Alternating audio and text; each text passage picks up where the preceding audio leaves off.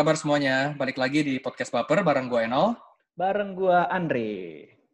Yes, and today kita nggak cuma berdua, karena kita kembali kedatangan bintang tamu spesial yang udah jadi inceran lumayan lama ya, Dre ya.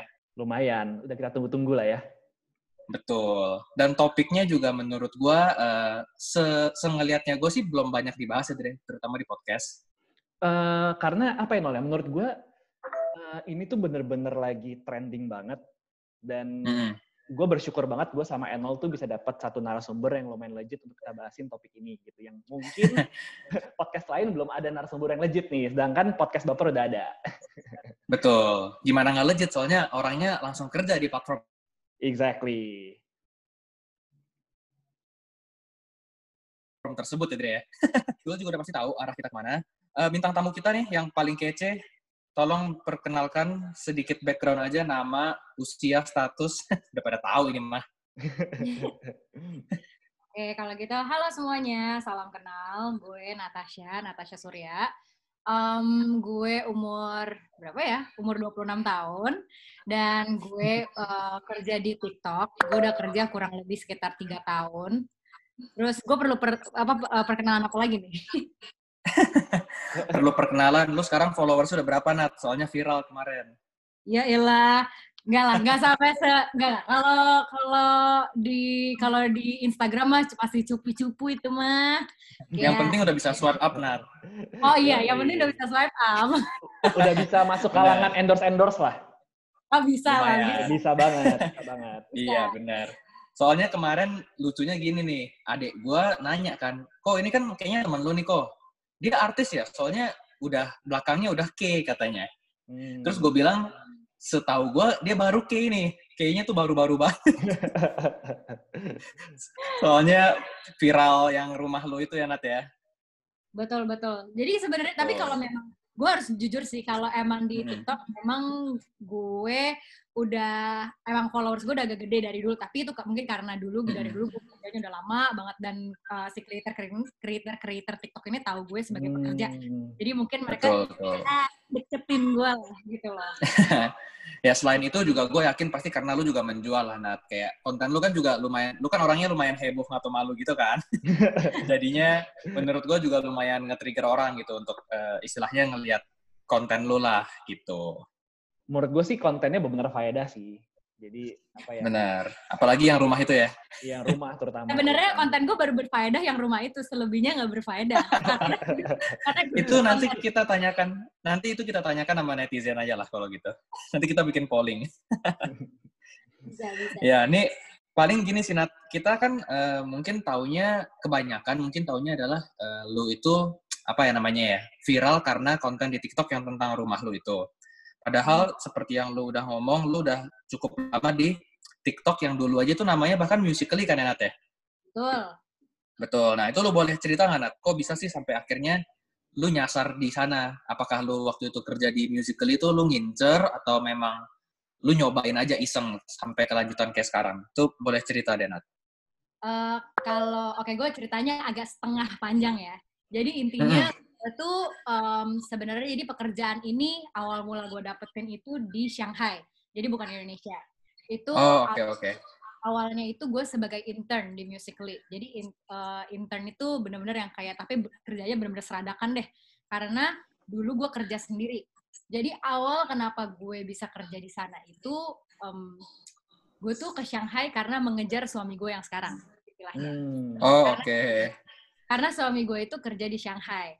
Dan gue orangnya tipikal nggak bisa LDR. Jadi gue ya, sepik-sepik lah ke emak bapak gue. Gue bilang, gue mau belajar uh, bahasa di Shanghai. Akhirnya gue belajar lah Hmm. bahasa di Shanghai. Terus, tapi mungkin karena gue dulu di Malaysia udah pernah kerja, jadi uh, zaman gue sekolah di sana tuh kayak pas lagi selesai kelas selesai jam 12 tuh kayak ngerasa kayak, duh, kayaknya hidup gue moyong banget cuman kelas sampai jam 12. gue cuman Moyong. Iya maksud gue Hmm. soalnya gini ya, mas gue gue nggak bisa bohong karena banyak orang yang sebenarnya ke Shanghai itu bukan untuk belajar, itu Hmm. bener-bener Melarikan memang- diri. Ya melarikan diri dan sebenarnya di lingkungan gue banyak nih cewek-cewek hits yang kayak abis pulang kelas tuh, wih, ayo kita jalan-jalan minum-minum cantik apa segala macam. Nah, gue nggak bisa cope sama uh, apa ya gaya gaya hidup kayak gitu gitu loh. Jadinya Hmm. gue bilang nih sama laki gue, aduh, udahlah gue coba mau coba mulai kerja aja. Ya udah akhirnya gue Hmm. cari intern, dapet lah intern di Musically ini. Nah, Hmm. dapet intern di Musically karena gue bilang gue kerjanya sendiri, jadi otomatis em, apa ya si bos si bos gue ini tuh eh, mempercayai gue lumayan lumayan 100% gitulah intinya buat Hmm. kerja. Dan somehow Hmm. eh, pas lagi gue kerja ini tuh em, intinya the market going well gitu. Hmm, Jadi hmm, gue langsung sikat nih pas karena gue tahu gue udah mau pulang, gue langsung bilang, eh kan gue eh, market Indo lagi naik nih, kira-kira lu Hmm. butuh kerjaan, eh lu butuh pekerja nggak orang Indo asli di Indonesia? jadi gue Hmm. menawarkan diri. Ya udah, akhirnya gue jadi pekerja lah, pekerja tetap di Musically dan setelah itu setelah satu tahun kan Musically dibeli sama TikTok. Nah, ya udah, Betul, betul. gue lanjut lah jadi pekerja TikTok sampai hari ini. Gitu. Hmm. Eh, Nat, Itu Eh. lu tahun berapa, Nat? Oke, tahun gue mulai tahun itu tuh 2017 kerja di Musically. oh oke. Oke. Nat, Terus, eh, lu eh, berarti waktu di Shanghai, 2018. sorry, berarti waktu lu di Shanghai itu lu under Musically atau lu under uh, ByteDance?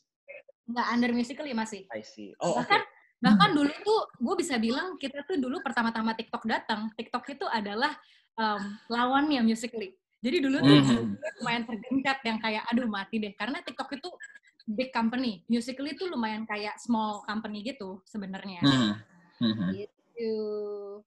Oh gitu. Oke. Jadi ceritanya Musical.ly ini diambil sama TikTok ya? Betul. Jadi acquire Oh, sama Oke, TikTok. oke. Dan kebetulan soalnya ini perusahaan China kan ya. Jadi memang maksudnya pas juga lu saat itu ada di sana gitu. Betul. Jadi kalau misalnya gue bisa bilang Musical.ly itu perusahaan Shanghai, uh. TikTok itu atau ByteDance perusahaan Beijing. Oh, Beijing. Oh, oke, oke. Berarti lu sekarang di sana udah lumayan senior Anat ya?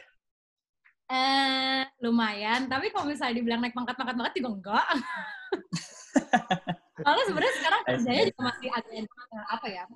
Geradak, eh bukan geradak, apa lumayan serabutan gitu loh Hmm. istilahnya. Hmm. Maksudnya company-nya masih lumayan, gue masih bisa bilang si TikTok ini masih lumayan baru, walaupun kan masih tiga tahun. Ya. Tapi Mhm. karena perkembangan sangat pesat banget ini, jadi kita tuh lumayan harus megang semuanya gitu. Hmm. Oke, oke. Typical startup lah ya, Nat ya. Oh, tipikal sekali. Oke. Berapa orang Nat yang kerja di TikTok sekarang? Sekarang sih gue rasa udah gue rasa udah hampir seratusan kali, masa udah hampir ratusan kali. Kalau di Indonesia oh, ya. Oke. Kalau di ByteDance, uh, secara global tuh 35 ribuan atau 40 ribu gitu. I see, I see. Oke, oke. Dre, tanyain si Nat tentang ini Dre, yang dulu sempat viral Dre. Yang dulu, kalau dulu gue kalau gue inget, gue nggak tahu sih dulu zaman Musical.ly apa TikTok ya, maksudnya udah, udah TikTok deh kayaknya. Yang yang apa sih yang Alpenlibe itu siapa namanya no? Bowo, Oh, Bowo. Oh, Bowo. Nah, iya Nat, Bowo itu ini udah Musical.ly atau TikTok sih? TikTok ya udah ya? TikTok dan itu Oke. sebenarnya itu zaman TikTok belum gabung sama Musical.ly. Oke. oh gitu. Hmm. Mhm. Tapi waktu itu lu ngerasanya ini nggak sih Nat kayak maksudnya karena si Bowo ini sebenarnya dia yang bawa wave-nya itu ke ya platform ini, which is kan musically sama TikTok kan sebenarnya emang nggak nggak gitu beda kan ya, kurang lebih sama kan ya, Sebenarnya sama, bahkan sebenarnya gue bisa bilang ini lumayan gak ada bedanya. identical ya. Mhm. Hmm, Identical. hmm, Gue harus akuin karena si TikTok ini lebih besar, jadi semua apa ya semua fiturnya dan segala macamnya tuh jauh lebih canggih dibanding Musical.ly. Oh. Oke oke. Dan waktu itu musik musically juga diambil TikTok. Waktu itu apakah memang sebenarnya udah apa ya, udah ada bau-baunya atau tiba-tiba aja Nat kayak karena mungkin misalnya musically sorry to say tidak bisa bersaing atau gimana gitu Nat. Gue rasa sebenarnya udah ada bau-baunya udah lama. Karena kalau misalnya lu tahu Hmm. kan si TikTok ini kan kalau di China namanya kan Douyin kan. Iya. Yang Mm-mm. kayak beda dan Douyin tuh udah gede banget. Dan bahkan kalau Hmm. misalnya lu tahu sekarang TikTok sama Douyin tuh beda. Jadi emang yang Douyin itu sama kayak TikTok tapi untuk China itu khusus sendiri namanya Douyin. Jadi gue rasa mereka tuh Hmm. sudah merencanakan gitu loh. Kayak oke gue Oke akan oke. melakukan dulu yang di uh, lokal, which is yang di China dulu. Setelah gue udah gede di China, nah gue baru gue baru cari nih mereka market gedenya di mana. Which is maksudnya jadi dulu tuh si Musically gedenya di US dan di uh, Hmm. UK kalau nggak salah. Jadi istilahnya mereka acquire supaya mereka udah punya market uh, luar ini gitu. Hmm, hmm, hmm, hmm. Oke oke. Da- Nah, kalau tentang market expansion gimana Nat? Jadi uh, TikTok ini lagi fokus untuk expand ke mana aja Nat? I mean untuk Asia Pasifik kan udah pasti uh, menjanjikan ya. Tapi how about other region gitu? Um, kayak contoh uh, Europe or even uh, Amerika itu sendiri. Waduh, sejujurnya gue sih nggak tahu ya karena kita kalau gue boleh jujur sekarang tuh kita tuh kerjanya cuman sebatas Asia Pasifik untuk maksudnya untuk ngobrol-ngobrol, hmm. maksudnya untuk meeting-meeting. Dan karena istilahnya strategi untuk uh, Amerika sama Europe sendiri tuh udah beda banget gitu. Ya. Jadi kita cuma bisa kerja dengan yang si Asia Pasifik ini. Jadi gue nggak bisa, gue jujur banget, gue nggak tahu sih strategi mereka ini gimana. Oke, oke, oke. Iya, soalnya ini sih Nat, gue kan juga, maksudnya kan kita follow-follow di Twitter gitu, terus kan gue baca story lu tuh Nat. Lu hmm. sempat uh, mention kalau TikTok itu sebenarnya bukan sosial media. Uh, TikTok itu juga menurut gue memang lebih kayak search engine nggak sih ya? Karena istilahnya bukan search engine sih ya istilahnya algoritmanya berbeda karena ya gitu nggak usah follow lu bisa muncul di uh, eh, FYP terus hmm. juga apa namanya kayak hack untuk nge-grow-nya juga lebih gampang karena mungkin baru gitu ya nah itu lu bisa cerita nggak tuh Nat? Kayak sebenarnya yang bikin TikTok menurut lu bisa sampai seviral ini tuh apa sih? Sebenarnya tuh jadi gini, intinya TikTok tuh mau mengidentifikasikan dirinya sebagai uh, video sharing platform. Jadi hmm. uh, apa? Jadi itu maka dari itu kenapa dia ada tombol kayak sharing tuh banyak banget. Kayak saya mau lewat link atau lo mau save langsung atau lo mau lewat uh, WhatsApp atau Twitter, pokoknya dia banyak lah kayak gitu ya. Hmm. Nah, jadi uh, menurut gue kenapa belakangan orang tuh tertarik untuk masuk ke TikTok karena mereka everyone tuh bisa jadi viral. Walaupun hmm. mau viral di dalam TikTok atau enggak. Karena yang tadi kayak bilang, TikTok itu lu nggak perlu banyak follower untuk bisa views tuh bisa sampai melejit gitu loh. Ya, hmm. case gue punya, gue tuh followers gue waktu itu 80 ribu, tapi views gue tuh hmm. bisa sampai 4 juta gitu loh. Karena si TikTok hmm. berdasarkan sistem algoritma, pokoknya yang kayak once uh, video lu dicemplungin nih ke tiga orang, eh tiga orang ini hmm. benar-benar nonton secara full dan share ke temannya. Jadi itu akan hmm. disebarin ke uh, 10 orang lainnya. Dites nih 10 orang ini bagus nggak? Eh 10 orang ini ternyata uh, sama juga nonton sampai habis. Akhirnya pokoknya viral ke luar-luar gitu loh. Nah. Jadi maksud gue um, itu sangat menarik buat orang. Dan yang kedua, kenapa TikTok itu viral? Karena satu cara mainnya gampang dan um, menurut gue milenial banget sih. Maksudnya um, TikTok itu tipikal kayak benar-benar mencerminkan anak muda ya menurut gue. Iya iya iya lu semua orang mau menjadi famous dan semua orang mau terlihat cantik dan sempurna hmm. ataupun bahkan lu sok-sok menjadi nggak sempurna tapi kayak lu malah mencerminkan sempurnaan itu di TikTok malah hmm. jadi yang kayak si gue emang nggak sempurna kan tapi somehow jadi viral gitu loh hmm. dan satu lagi yang menurut gue menarik di TikTok um, lu gampang bikin video dengan ada background suaranya maksudnya kan um, kalau di Instagram lu kan harus edit pakai aplikasi lain gitu nah sedangkan yeah, di TikTok yeah kayak udah ada albumnya, lu tinggal klik, udah selesai deh. Gitu. Hmm, betul betul. Semuanya udah ada di situ Nat ya. Mau mau buat apa tulisannya, terus tinggal diatur set duration segala macam itu udah udah gampang gitu ya. Betul. Fitur-fiturnya menurut gue menarik sih emang. Betul betul. Itu apa ya namanya Nat ya? Gue sempat kepikirannya sih gini Nat. TikTok ini kan sebenarnya tadinya tuh ada kayak kalau gue sama Andre kan kita nggak nggak nggak nggak sempet ngamain Andre ya. Kalau gue sih sekarang punya gue account karena kan kerjaan gue ya, ya kan kerjaan gue gitu. Tapi uh, dulu konotasinya tuh ala ya Andre ya, bener kan? Kita kan sebagai sebagai yang apa ya, yang awam ngelihatnya hmm. tuh bingung nat kayak kok ini kayaknya uh, so called negatif itu sampai kayak Bigo Live tuh nggak sih? Lu pasti tau Bigo Live lah ya. Oh lah, gila. Nah, iya jadi uh, pertama apakah TikTok ini di awal kesusahan nggak sih Nat untuk penetrate ke pasar-pasar yang so-called lebih elit? Karena kan kok sekarang sih gue lihat kayak banyak perusahaan juga udah mulai punya TikTok gitu. Kayak NBA, hmm. gue tuh udah punya TikTok lama banget gitu. Hmm, hmm. Nah, kalau dari pasar Indo sendiri atau mungkin Asia Pasifik itu tuh uh, waktu itu challenge-nya apa Nat? Untuk ngerubah ya. stigma itu Nat? Wah, ya itu susah banget. Karena maksudnya jadi gini hmm. ya, uh, dulu tuh gue harus bilang itu alay itu bener-bener so very very very strong. Maksudnya image alay di TikTok. Bahkan gue bisa gue sebagai uh, employee gue bisa jujur dulu gue sempet yang kayak gue nggak berani pakai tag TikTok karena gue tuh takut yang kayak dikata-katain orang gitu secara di umum ya. Masa Hmm. gue gue daripada gue dikatain mendingan gue udah nggak pakai aja deh gitu loh istilahnya. Hmm, hmm. dan yang kayak kalau misalnya gue meeting sama orang gue bisa merasa ada pandangan tersendiri dari si lawan meeting gue kayak Hmm. lagi muka gue kan yang kayak ya eh, apa ya minoritas dan muda gitu istilahnya ya. Jadi yang kayak makin yang kayak ini menjanjikan gak sih nih orang? gitu loh. Jadi ya, em, dulu kita tuh trying so hard untuk naikin em, image kita gitu ya. Kalau misalnya gue bisa boleh jujur dulu gue pernah mau coba nge-hire satu artis untuk jadi brand ambassadornya kita. Duh gue sebut Hmm. ya? Inisial kalau nggak Nat. Nanti off the record aja kita Nat. Oh, eh eh, AM AM. Se- seorang wanita, AM. Gue jadi Penyanyi. nebak nih. Seorang wanita penyanyi internasional. Wih, gak sih lu tahu? Oh, gue tahu, gue tahu, gue udah tahu, gue udah tahu, gue udah tahu. Pokoknya Oh ini iya, iya udah tahu mantan penyanyi cilik udah pokoknya itulah. Iya, iya, iya. Nah, Yang dulu juga luar biasa. Ya, pokoknya yang Oke, suaranya khas banget deh intinya. Nah, gue Hmm. tuh em, berusaha untuk yang kayak saya menaikkan uh, image TikTok lewat dia lah. Karena gue bisa bilang dia tuh kan kayaknya image-nya uh, A plus lah ya, istilahnya segmennya A Hmm. plus.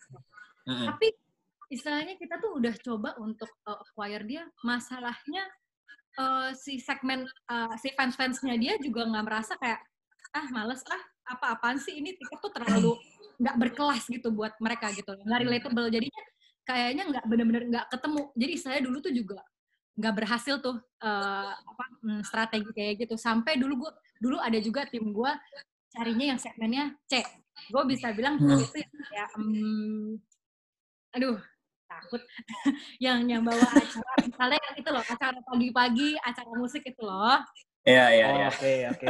Hahaha. kue-kue itu bukan bukan bikin kue tapi namanya kue yang ada di Trans 7 tapi pokoknya Eh, Iya, gue tahu, gue tahu. Ah. Yang Nah. siang-siang lah pokoknya ya. Iya, pokoknya maksudnya artis-artis sekelas itu maksudnya. Nah, Mm-mm. tapi itu yang works. Tapi karena itu works, market gue makin lama makin banyak yang uh, ya itu yang agak gimana ya? Gue bisa bilang Hmm. agak uh, C dan D gitulah istilahnya. Ya. Mereka no, mereka Hmm. enggak sih, tapi istilahnya ya agak agak jadi susah naikin um, naikin persepsi gitu loh Hmm. Mm-mm. ya udah mau gimana kita gimana pun sebagai company kita butuh numbernya gitu loh Hmm. jadi ya udah kita Mhm. tetap tetap ke situ dan akhirnya em, tiba-tiba out of nowhere uh, di Mhm. tahun 2019 itu tiba-tiba semua orang main TikTok semua selebgram Mhm. main gue inget banget gue lihat Ayla Dimitri main TikTok terus gue kayak Mm. dibayar siapa nih? gue langsung tanya sama tim gue, lu bayar? Kagak. Terus udah gitu gue kayak, oh ya udahlah ya dia cuma main iseng. Eh tiba-tiba gue lihat lagi, siapa pokoknya banyak deh selebgram main. Gue bilang, ih aneh banget nih, aneh nih. Tiba-tiba banyak selebgram main, curiga nih gue. Terus Mhm. pokoknya intinya kayak ternyata emang bener nggak ada satupun dari tim gue yang bayar, tapi ternyata ada ya mungkin ada seorang agensi lah inti agensi besar lah intinya yang mungkin brief ke mereka mereka memprediksikan TikTok nih kayaknya bakal gede di 2020 gitu loh. Hmm. Jadi mending main sekarang. Pas lagi ini belum begitu besar, jadi lu punya chance untuk grow dari sekarang dan lu ngerti cara mainnya gitu. Mhm. Jadi akhirnya Which is udah di ini ya sebenarnya udah diprediksi juga sama kalau kalian tahu Gary V ya, tahu nggak? tahu Uh, uh, kayak Gary V kan udah main TikTok tuh lama banget gitu. Dan dia juga selalu mengkowar-kowarkan selain TikTok juga ini LinkedIn. oh ya ya ya ya. Benar gitu. Jadi emang sebenarnya gaung-gaungnya tuh udah mulai ke ke apa ya? Udah mulai kerasa tuh gue bilang tahun lalu 2019 mungkin ya. 2019 awal sampai tengah gitu. Tapi kayak Itu kalau dari awal-awal Gary Hmm. Vee tuh nggak gitu impactful ke orang Indo. Menurut gua nggak banyak yang follow dia. benar benar. Apa ya? Cuman orang-orang yang tertarik sama bisnis yang follow dia gitu loh. Hmm, menurut hmm, gua. hmm. Maka dari itu nggak sampai kayak eh, apa ya? Nggak sampai kayak langsung efek banyak orang langsung main. Pokoknya Hmm, hmm, hmm. udah main, udah itu udah kuncinya. Kunci jalan Betul, betul. Kunci menuju kemenangan. Betul sekali. Berarti Nat, eh, apa berarti kalau gue tangkap sebenarnya eh, correct me if I'm wrong ya, tapi sebenarnya dari TikTok sendiri juga unexpectedly eh, nggak anticipate gitu dengan traffic sebanyak ini saat ini. Walaupun memang udah ada em, apa ya prediction, tapi sebenarnya juga un- unexpectedly sampai di titik sekarang. dari Bener, bos gue yang kalau bos gue yang orang China sih dia expect gitu loh masa dia dia harus optimis gitu kan tapi kalau gue yang selama ini jadi orang yang kerja di lokal gue sih pesimis banget dulu. Maksudnya untuk Hmm. bisa tapin kayak ke market kayak sekarang gitu loh. Kayak Ya. ih mana mau sih? gitu. Maksudnya kayak mana mau nih orang-orang kayak gini suruh main TikTok? Bisa dikatain sama temennya gitu loh. Eh ya jadi maksudnya kayak gue rasa untuk orang um, bos gue yang orang China mereka tuh udah siap gitu loh. Mereka expect this gitu. tapi nggak tahu gimana cara pokoknya tapi kalau gue dan orang teman-teman lokal gue kita tuh nggak expect ini sama sekali gitu loh gitu Padahal ini sih Nat ya, maksudnya kalau sekarang dipikir-pikir gitu, karena kan kebetulan eh, kerjaan gue kan juga bidang kreatif gitu. Hmm. Sebenarnya yang bikin yang bikin ini menarik adalah tadi kan lu ngomong Nat, Hmm. eh, apa tuh namanya eh, video lu bakal dioper ke orang-orang kalau misalkan ditonton sampai habis, bener nggak? Mm-mm. Nah, itu kan berarti kayak kalau dari gua lihat juga TikTok sekarang kayaknya tuh eh, memang jadinya cara orang bikin konten adalah lebih ke kayak misalnya tips and tricks gitu yang orang harus nonton sampai habis. Atau eh, sistemnya mungkin konten edukasi gitu loh caranya. Which is itu udah mulai rame belum sih Nat yang kayak gitu-gitu Nat? Karena kan kalau dulu mungkin eh, apa ya image-nya alay, kan Hmm. sekarang orang udah lebih pinter nih Nat kayak oh ya udah gue bikin aja konten yang misalnya tips and tricks bisnis kan udah banyak tuh ya kan. Nah, itu itu itu memang memang sekarang apakah lagi naik banget apa gimana? Nak? Kalau dari lu yang berada di dalam. Emang sekarang sebenarnya konten yang paling banyak itu yang kayak gitu, yang istilahnya Hmm. uh, science and education gitu loh. Jadi mereka yang kasih tips and trick dari tips and trick paling nggak penting sampai tips and trick emang penting gitu loh. Contoh tips and trick Hmm. nggak penting tuh kayak gitu. Cara bikin Insta story paling menarik gitu, misalnya. Tapi orang You don't say banget ya. ya maksudnya kayak ya elah siapa sih yang mau bikin instastory se seniat itu tapi somehow tuh Hmm. orang tuh banyak yang mau kayak gitu ternyata Hmm. dan misalnya Hmm. yang, penting banget misalnya ada salah satu account yang gue follow sampai sekarang bisnis bareng Bram gue nggak tahu lo pada tahu atau enggak Oh, Oh, gue tahu gue tahu, ah, gue tahu. Tahu Nah, jadi dia Iya. itu gua, dia salah satu account em, yang ngajarin tentang bisnis pertama yang kayaknya gue gua ketemu di for you page gue gitu loh dan ini tuh Hmm. menarik karena istilahnya wah ternyata ini ya maksudnya ternyata orang-orang kayak gini benar-benar masuk dan menurut gue dia punya image kayak Gary V-nya versi, in- versi Indonesia menurut gue ya Hmm. kayak Kearifan lokal. dan intinya dia itu sama kayak istilah kayak dia mendukung banget orang bisnis-bisnis masuk ke TikTok sekarang gitu loh Hmm. ya emang Which is sudah ada beberapa ini kan, udah ada beberapa apa namanya eh, perusahaan besar juga kan yang udah mulai main startup kan ya. Oh iya emang dan uh, selain Tahu gue, gimana?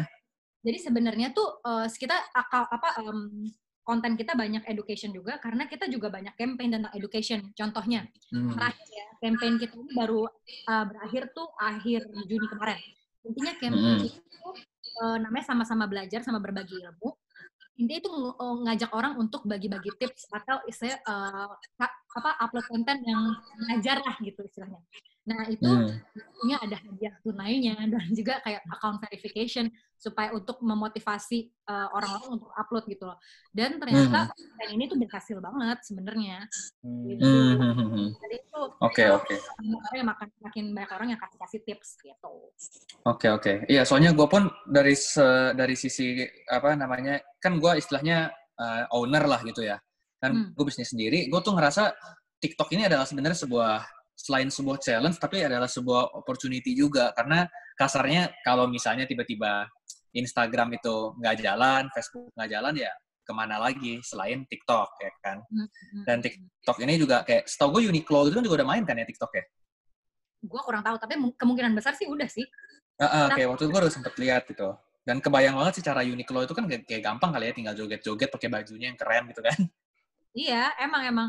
Nah, menurut gue juga orang-orang tuh nonton banyak tips di TikTok juga karena mungkin ini kayak di TikTok tipsnya cuma 20 sampai 40 detik tapi lu udah dapat suatu tips Betul, gitu. Jadi Betul, ya betul, betul. gitu loh istilahnya. Betul. Apalagi visual banget lagi ya, tinggal denger, nggak perlu baca, nggak perlu aneh-aneh gitu ya. Baca pun minim lah ya. Betul, apalagi lu tau sendiri orang Indonesia kan sukanya didongengin. Iya. Betul, senang senangnya di apa suapin lah ya. Ya, emang. Oke, oke. Nat, kalau ngomong pengalaman Nat, yang paling berkesan sama yang paling buruk apa Nat selama lu di TikTok Nat? Apa dikatain alay atau gimana Nat? Oke, paling buruk dulu deh. Ya, Paling- boleh. Itu paling buruk itu um, sampai sekarang sih gue berasanya sih ya. Uh, hmm. Selama tiga tahun ini gue harus nge-handle creator-creator yang secara langsung dan ada banyak yang menurut gue attitude-nya tuh minus ya. gitu loh. Waduh, ini ini warning keras nih kayaknya nih. Maksudnya gue enggak, gue banyak juga banyak banget juga yang creator yang yang attitude-nya nice, tapi menurut gue jauh lebih banyak yang attitude-nya yang eh, gitu loh. Mereka hmm, maksudnya contoh nat, contoh nat. Contoh orangnya. bukan bukan contoh pengalamannya. Ya mau orangnya juga nggak apa-apa, kita mah di sini mah bebas. Contohnya kayak gini. Gue yakinnya juga nggak dengar podcast baper kok. Contoh orangnya. Contohnya eh dia denger deh, lu jangan gitu deh kayak kemarin gitu. Misalnya jadi saya kan gue lagi ngepegang produk baru nih si TikTok Live gitu ya which is kalau produk baru lu harus educate uh, creatornya gitu kan. Nah educate creatornya which is lu tuh harus bikin deck lu harus uh, ngadain zoom meeting apalagi sekarang zoom meeting dong mau nggak mau karena hmm. lu nggak bisa sama mereka jadi istilahnya lu harus train mereka lah supaya mereka tahu tentang fitur terbaru ini. Nah um, tapi tiba-tiba ada satu creator ini tiba-tiba dia komplain sama gue loh kok saya nggak bisa kayak gini sih? Gitu kan terus gue bilang oh ini kan saya udah jelasin gitu. Ini ada di ada di dokumen ini dan saya juga jelasin lewat zoom. Terus dia bilang gini ehm, aduh saya nggak saya nggak baca tuh deck itu tulisannya kecil hmm. jelek. Soalnya dia bilang saya juga nggak dengerin pas lagi kamu jelasin panjang males. Terus ada lagi yang pokoknya intinya menurut gue kata-katanya nggak gitu kasar tapi nohok gitu menurut gue kayak gila menurut gue tuh TikTok tuh udah baik banget secara ke creator-creator. Karena kita tuh udah support mereka tuh lebih dari apa lebih dari platform lain menurut gue apalagi Instagram ya. Instagram menurut gue dan gue nggak tahu sih tapi masa menurut gue mereka nggak gitu do anything. Tapi mereka organically aja sih creator-creator ini tertarik ke Instagram gitu loh. Sedangkan kalau YouTube kan ada AdSense-nya jadi orang tertarik ke YouTube gitu kan. Nah hmm. ada juga creator-creator ini kalau misalnya kita dulu approach mereka untuk jadi creator kita mereka bisa bilang gini emang emang TikTok bisa bayar aku berapa gitu hmm. jadi kayak gila nih orang nih itu sudah gitu ada apa ya banyak lagi yang kayak hmm, pokoknya mereka suka ngata-ngatain lah di belakang di belakang kita lah istilahnya karena mereka hmm. merasa dulu kita tuh pelit dan kere gitu padahal kita udah hmm. lumayan lumayan baik itu dulu kita suka terbangin orang kita kayak kalau kita ada offline event kita yang bayarin ini loh kayak misalnya kayak pesawat mereka gitu itu tuh juga hmm. bayarin hmm. gila masih dibilang pelit terus udah gitu bisa gimana ya mungkin gue nggak bisa salahin mereka karena mereka kebanyakan anak-anak muda yang masih ya. ada juga yang 16 17 gitu loh yang menurut gue umur-umur yang semestinya lu nggak fokus ke hmm. uang sekarang gitu loh hmm. tapi karena mereka udah kenal uang dari awal jadi kayak oh kalau nggak bisa bayar nggak usah kontak aku deh hmm. gila gila gila Laganya selangit ya iya tapi kalau misalnya lu bilang paling nice menurut gue uh, semenjak gue di company ini tuh gue merasa gue dikasih kepercayaan lebih, eh kepercayaan full. Jadi um, gue punya ide apa, mereka percaya dan mereka kasih gue budget. Jadi istilahnya gue merasa gue bisa grow di sini, gitu loh. Uh-huh. Menurut gue kepercayaan mereka terhadap um, orang lokal tuh nice lah gitu loh. Hmm. Dan maksudnya kayak kalau misalnya gue nggak nggak bilang other Chinese company jelek ya, tapi menurut gue hmm. uh, ya Chinese company bisa punya tipikal mereka uh, desentral, des, apa bilang sentralisasi apa ya bukan yeah. sentralisasi oh. sih yang intinya uh, orang China-nya yang pokoknya cuma kasih tunjuk ini uh, harus eksekusi aja deh gitu loh. Sedangkan kalau di company ini menurut gue kita bisa contribute lah gitu. Yeah. Menurut gue pengalaman baiknya itu. Hmm, hmm, hmm. Memang kalau startup sih pasti uh, masalah kepercayaan tuh penting banget ya karena kan istilahnya masih gerasa kerusuk semuanya gitu ya. Masih lu melakukan hal yang bahkan bukan job desk lu gitu ya. Kalau kalau menurut gue sih apa ya? Karena ini platform juga menurut gue baru booming juga walaupun memang uh, masih hitungannya baru lah ya. Kan paling penting hmm. adalah agile gitu. Di mana ya lu kalau yang tadi Natasha bilang kayak sentralisasi itu kan bakal memperlambat juga gitu.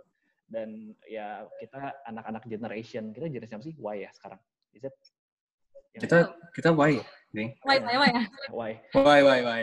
Which is yang emang kita istilahnya lebih open lah ya in terms of creativity, in terms of product development juga gitu loh. Hmm, hmm. Betul, betul. Nah, Nat, kalau tadi lu juga sempet uh, ngomongin tentang music. Kan lu awal di Musically gitu ya, terus lu di uh, acquire sama TikTok gitu. Hmm. Nah, mungkin ini kita mau sedikit nyebrang ke uh, apa tuh namanya dulu Snapchat, Snapchat. Okay. Nah, Snapchat kan dulu juga punya masa kejayaan tersendiri tuh Nat. Hmm. Nah, tapi seperti yang kita tahu, uh, Facebook ini kan melakukan segala cara sampai akhirnya terjadilah Instastory gitu, terciptalah Instastory. Nah, kalian ini ada ketakutan tersendiri nggak? Dan kalaupun ada, apakah kalian punya apa ya orang bilang uh, kartu untuk membalikkan situasi anda itu terjadi gitu loh? Karena gosipnya memang gitu kan, pasti Facebook nggak mau nggak mau kalah gitu loh.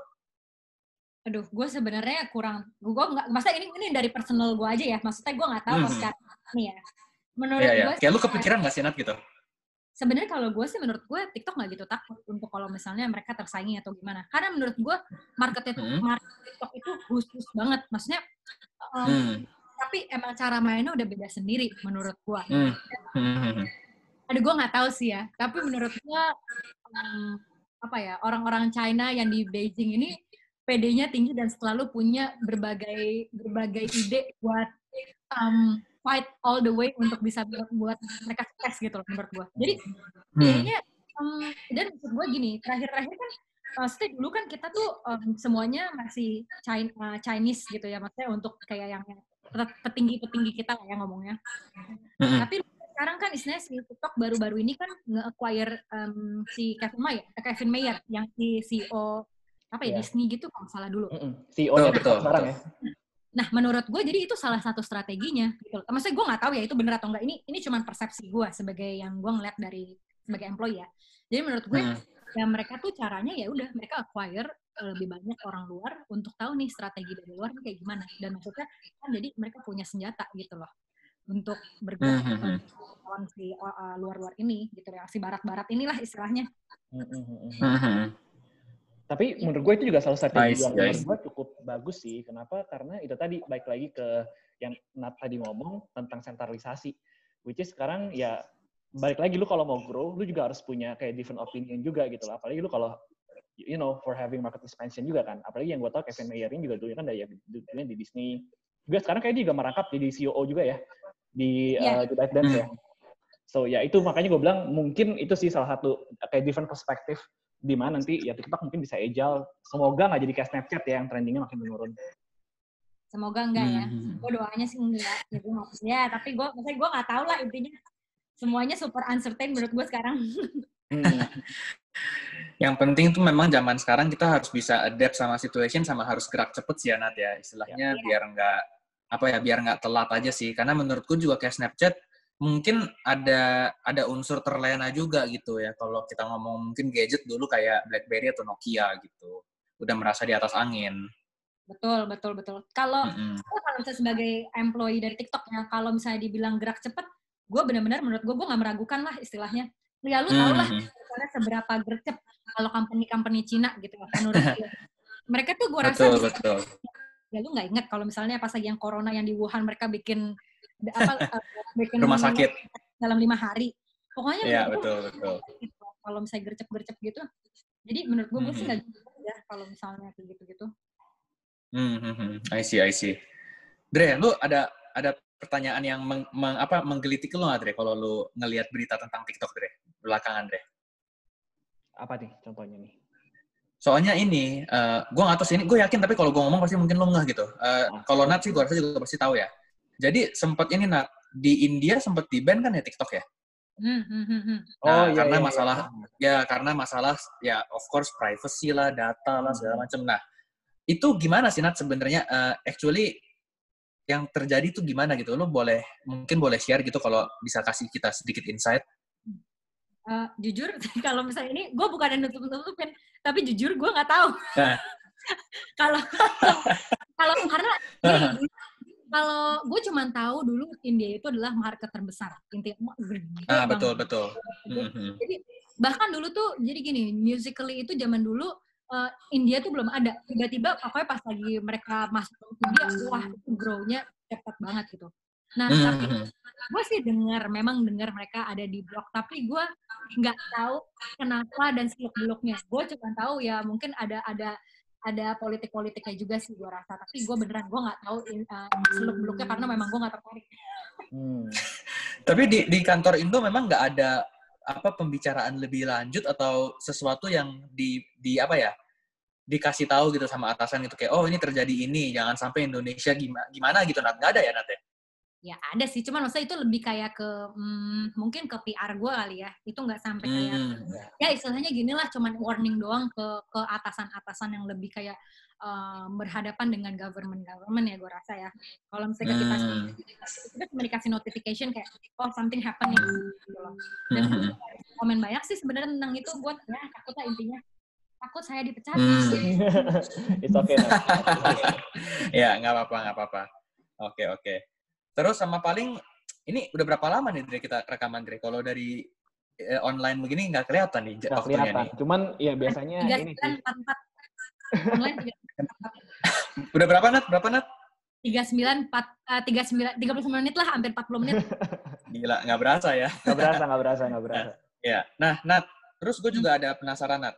Eh, ah, waktu kan lu punya account udah lama. Itu sebenarnya ada paksaan atau ada kayak eh, kayak misalnya ada di job description nggak sih kayak kalian sebagai karyawan harus bisa istilahnya ikut memviralkan, mempromosikan eh, aplikasi ini gitu. Karena kan kalau yang gue lihat memang lu udah main lama banget gitu kan, Nat.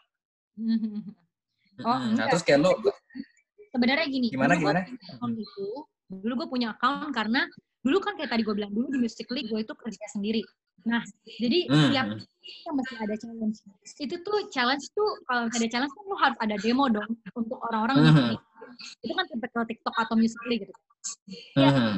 siapa lagi yang bisa demoin selain gue nggak ada maksudnya kayak ada sih maksudnya dulu kita punya kumpulan kayak um, creator-creator kita tapi Hmm. kayak gue nggak gitu bisa mengandalkan mereka karena mereka ada yang sibuk ya apalah mau mau ada uas lah atau apa jadi maksud gue aduh daripada kelamaan mendingan gue bikin aja gitu loh sendiri. Jadi ini sebenarnya paksa nggak paksaan sih cuman emang karena gue merasa kayak ya udahlah daripada lama gue bikin sendiri. Dan gue rasa gue ada alainya emang dari diri gue ada alainya dan gue pengen kayak gue juga kayak sebenarnya kemarin tuh gue tuh bikin bikin yang video rumah itu tuh juga sebenarnya bukan karena apa ya bukan em, bisa dibilang 30 persen 40 persen gue iseng eh, 60 persen sebenarnya pengen tahu. Sebenarnya eh, konten-konten kayak gini tuh udah diterima belum di di Mhm. TikTok jadi istilahnya gue tuh suka menggunakan akun gue untuk testing testing the market Mhm. untuk creator gue oh sekarang trendingnya lagi kayak gini nih jadi kalian bisa coba kayak gini gitu Mhm. Which is ya berhasil juga nanti dengan apa yang lu lakukan itu ya. berhasil berhasil dapat endorsement boleh Berhasil. itu di kantor juga pasti pada ngomongin ya, Nat ya? Ya pada ngomongin sih tapi kan sekarang kita pada nggak ke kantor. Jadi ya nggak sampai se diomongin itu sih. Jadi Oh ya kayak iya, lu belum ini ya, belum masuk ya? belum. Bahkan kayak mereka bilang tadi terakhir paling cepat September tapi kayaknya diundur lagi. I see, oke oke oke. Berarti benar-benar ini ya Nat ya, istilahnya eh, ini juga nggak perlu kerja istilahnya face to face segala macam ya, karena memang eh, mungkin apa yang lu lakukan semuanya juga udah via, via online dan ya sekali lagi benar-benar menunjukkan kalau TikTok ini ya something new lah ya, new normal banget nih. ember-ember tapi sebenarnya sih gue gue gue betah-betah enggak nih kerja kayak gini ya agak stres gue karena udah punya adik bayi Nat. oh iya iya mungkin ya jadi maksud lu gue nggak betah karena anak bayi gue Karena rewel kali Nat. bisa jadi bisa jadi bisa jadi bisa jadi Bisa jadi ya. Oke, oke. Berarti untuk ke depannya eh, kira-kira bisa kasih bocoran dikit nggak Nat? Kayak mungkin ada hal-hal baru yang bisa kita tunggu dari TikTok mungkin? Em, paling terbaru dari TikTok itu adalah si TikTok Live. Jadi yang mungkin akan dipromosikan berat-beratan itu si TikTok Live ini. Karena TikTok Mm-mm. Live, gue bisa bilang eh, lumayan unggul daripada live streaming live streaming lainnya. Karena satu, eh, mereka itu eh, ini salah satu jendela buat tiktokers tiktokers dapat duit gitu ya untuk menghasilkan uang dari aplikasi Hmm. TikTok. Terus sudah gitu yang kedua eh, live streaming ini tuh nggak dibatasi waktu, jadi mereka bisa live streaming sampai 12 jam juga bisa, tapi asal mereka nggak capek. Oh gitu. Iya. Oke, oke. Terus udah gitu, em, dan mereka tuh bisa pakai efek-efek gitu di TikTok. Ya maksudnya kayak, lo tau kan tipikal TikTok yang pakai stiker-stiker gitu yang Ya. sosok lucu. Iya, iya. Nah, ya istilahnya mereka live streaming lucu-lucu gitulah intinya. Nah, Hmm. ya. eh, terus sama menurut gue, hmm, sekarang si TikTok ini eh, punya modal yang besar. Maksudnya punya planning dan punya, ya memang modal lah ya, memang punya duit yang besar ya gue rasa. Gue rasa Hmm. mereka tuh mau merajai semua sosial media sih. Mereka sih Hmm. Uh, dari ini mereka cukup ambisius untuk kayak mengalahkan berbagai macam aplikasi. termasuk Hmm, hmm, hmm. Instagram, Facebook apa segala macam. Hmm. gitu. Tapi ya step Karena udah ada TikTok, udah ada TikTok for business ya setahu gue Nat ya, buat UMKM ya. udah ada, udah ada sekarang. Udah ada Baru ya. Wah, itu. Baru apa? Baru launching ya? Iya. Hmm, oke oke. Dan itu bisa di eh, apa bisa di bisa, bisa dimainin sama semuanya Nat, sama semua pengguna TikTok biasa.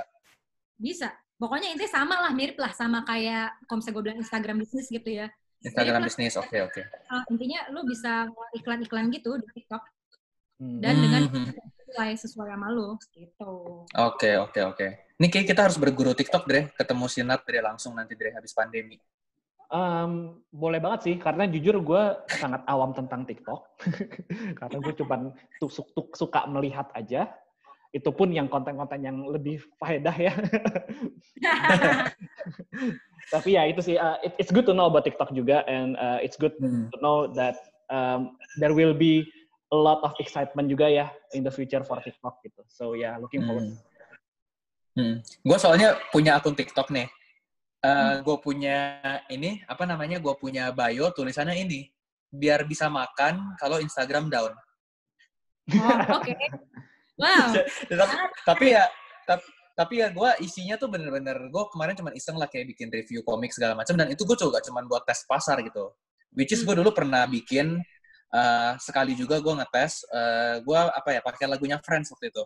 Hmm. Uh, pokoknya uh, kayak gue bikin-bikin yang kayak apa kayak zaman-zaman Vines dulu gitu yang simple-simple lucu-lucu. Dan memang itu sih gila sih kayak dulu followers gue cuman cuman 7 atau 8 gitu. Terus yang view tapi bisa 400-an Nat, uh, dari yang friends itu. Mungkin karena pakai hashtag ya.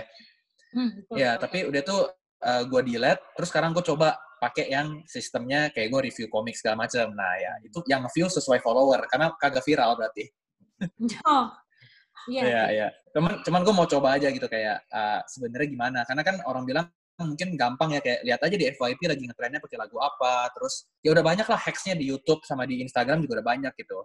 Dan Hmm. ya gue lagi pengen coba-coba karena again kita kan nggak pernah tahu kan kayak in the future tuh nih bakal ke mana gitu. Which is menurut gue sih bakal bagus ya TikTok ya harusnya ya. Bakal Amin. bukan bagus sih, bakal jauh lebih bagus, jauh lebih apa ya menggeliat lagi sih. Apalagi gue bilang sih kayaknya nanti kalau nggak punya akun TikTok tuh sama kayak sekarang nggak punya Instagram deh pasti kayak kurang gaul gitu. Oke, berarti lu uh, prediksi gue akan punya akun TikTok ya, Nol ya? Eh, punya Oke. Andre. Challenge Ya, accepted bener. lah. Apalagi bener nanti reviewnya yang keren-keren tapi Dre Yoi. bola gitu kan. Kan belum ada ya Nat ya yang review bola sampai kayak gitu kan. Nah, kita coba Dre. Boleh, boleh. Betul. Jangan jangan-jangan video TikTok lu nol yang lu pernah upload Eh. di Instagram yang lu nonton Eh. makan popcorn nonton Friends.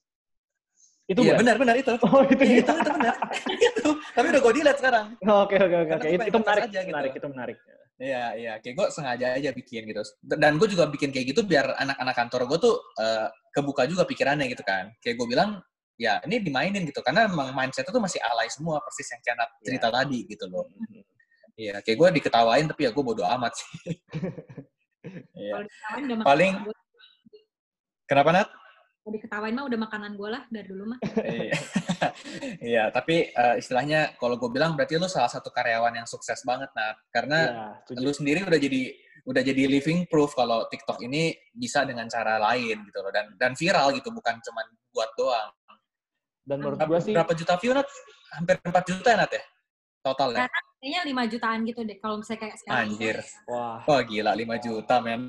gue bilang, paling menurut gue yang mengejutkan tuh selain views tuh juga shares gitu loh. nah, Gue tuh kalau Hmm. kita bisa lihat ya, share dari video gue itu 16 ribu views. Eh 16 ribu share. 16 ribu share. Anjir. Coba lu Gila bayangin ya berapa. mana gitu loh. Udah ke mana Eh, aja. iya, iya. Dan Kayaknya itu udah masuk grup keluarga Nat. Oh udah, udah pasti. Udah. udah ditanya. Bahkan kayak nggak usah masuk grup keluarga. Orang tukang apa sih tukang paket gue bisa kayak gini. Non nggak bikin video lagi. Terus gue kayak Mas tahu? Kok tahu nggak? aduh, aduh, si, si Tatat ini bener-bener menurut gue success story no success story Hmm. karyawan TikTok yang yang bener-bener berhasil tapi juga bisa pakai produknya Hmm. secara berhasil gitu jadi menurut gue Tatat Betul, ini- betul. Ya Tuhan, semoga bos gue liatnya kayak gitu ya. sharing aja podcast ini di sharing Ya. Iya benar. Nanti bos lu bisa denger Nat gitu loh.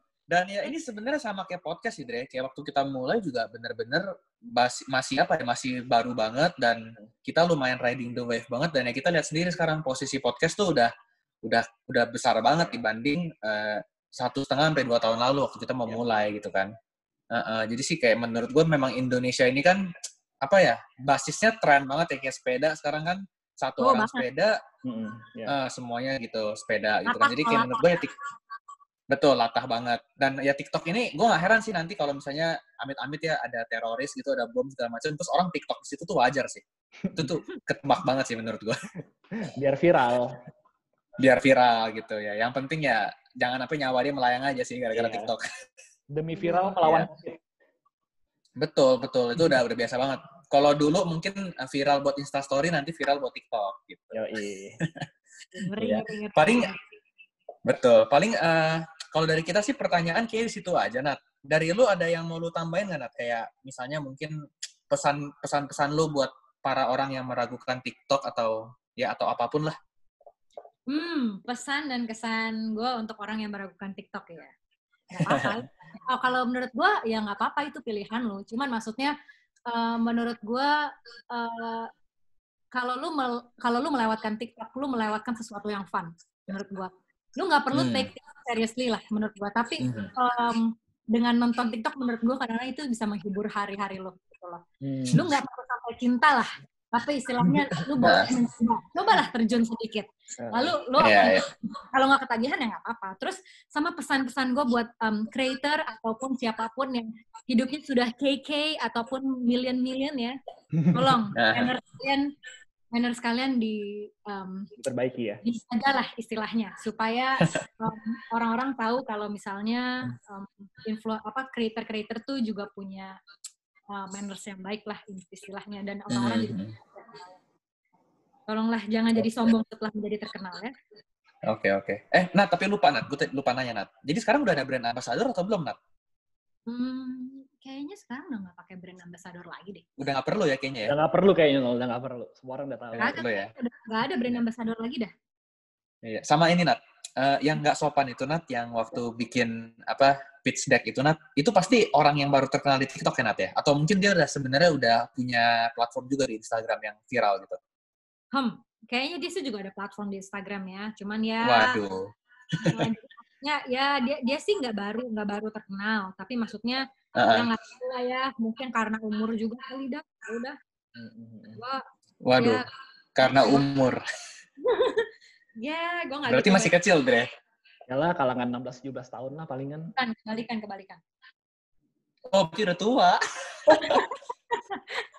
berarti sensitif Dre udah oh. sensitif ini berarti berarti baik 71 gitu. berarti oke okay. sudah salah pokoknya dia sensitif intinya begitu Gila, kira-kira kita kenal nggak, Nat? Enggak, enggak bakal. Enggak bakal ya? Enggak bakal ya? Oh. Enggak, enggak. Lu enggak berarti, bakal. Berarti aman lah ya, aman. ini marketnya niche soalnya. Dia ini maksudnya dia seorang um, creator dengan market yang niche menurut gue. Hmm, I see, I see. Tapi, tapi yang niche ini sih ya yang diperlukan TikTok sekarang ya. Istilahnya biar lebih different aja daripada yang lain ya. Betul. Kita malah ya memang kalau misalnya gue boleh jujur sih, kita memang punya tim untuk yang ngurusin hmm. creator-creator ini dan um, kita ngurusin creator-creator yang emang punya kategori sendiri. Contohnya nih food, terus udah gitu hmm. pets, terus sport, education. Jadi memang supaya um, selain mereka organik, kita juga nge-maintain mereka gitu loh. Hmm. I see, I see. Berarti memang udah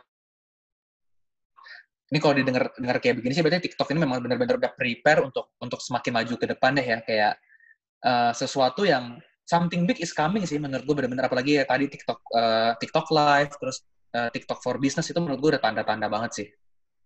Ember, ember. Hmm, hmm, hmm. Ya udah sih kalau dari gue sih paling itu Dre. Kalau dari lu ada yang mau lu tanya lagi Dre? Nggak ada sih. Menurut gue pembicaraan sama Nat-Nat nih satu jam membuka mata gue lah tentang TikTok lah.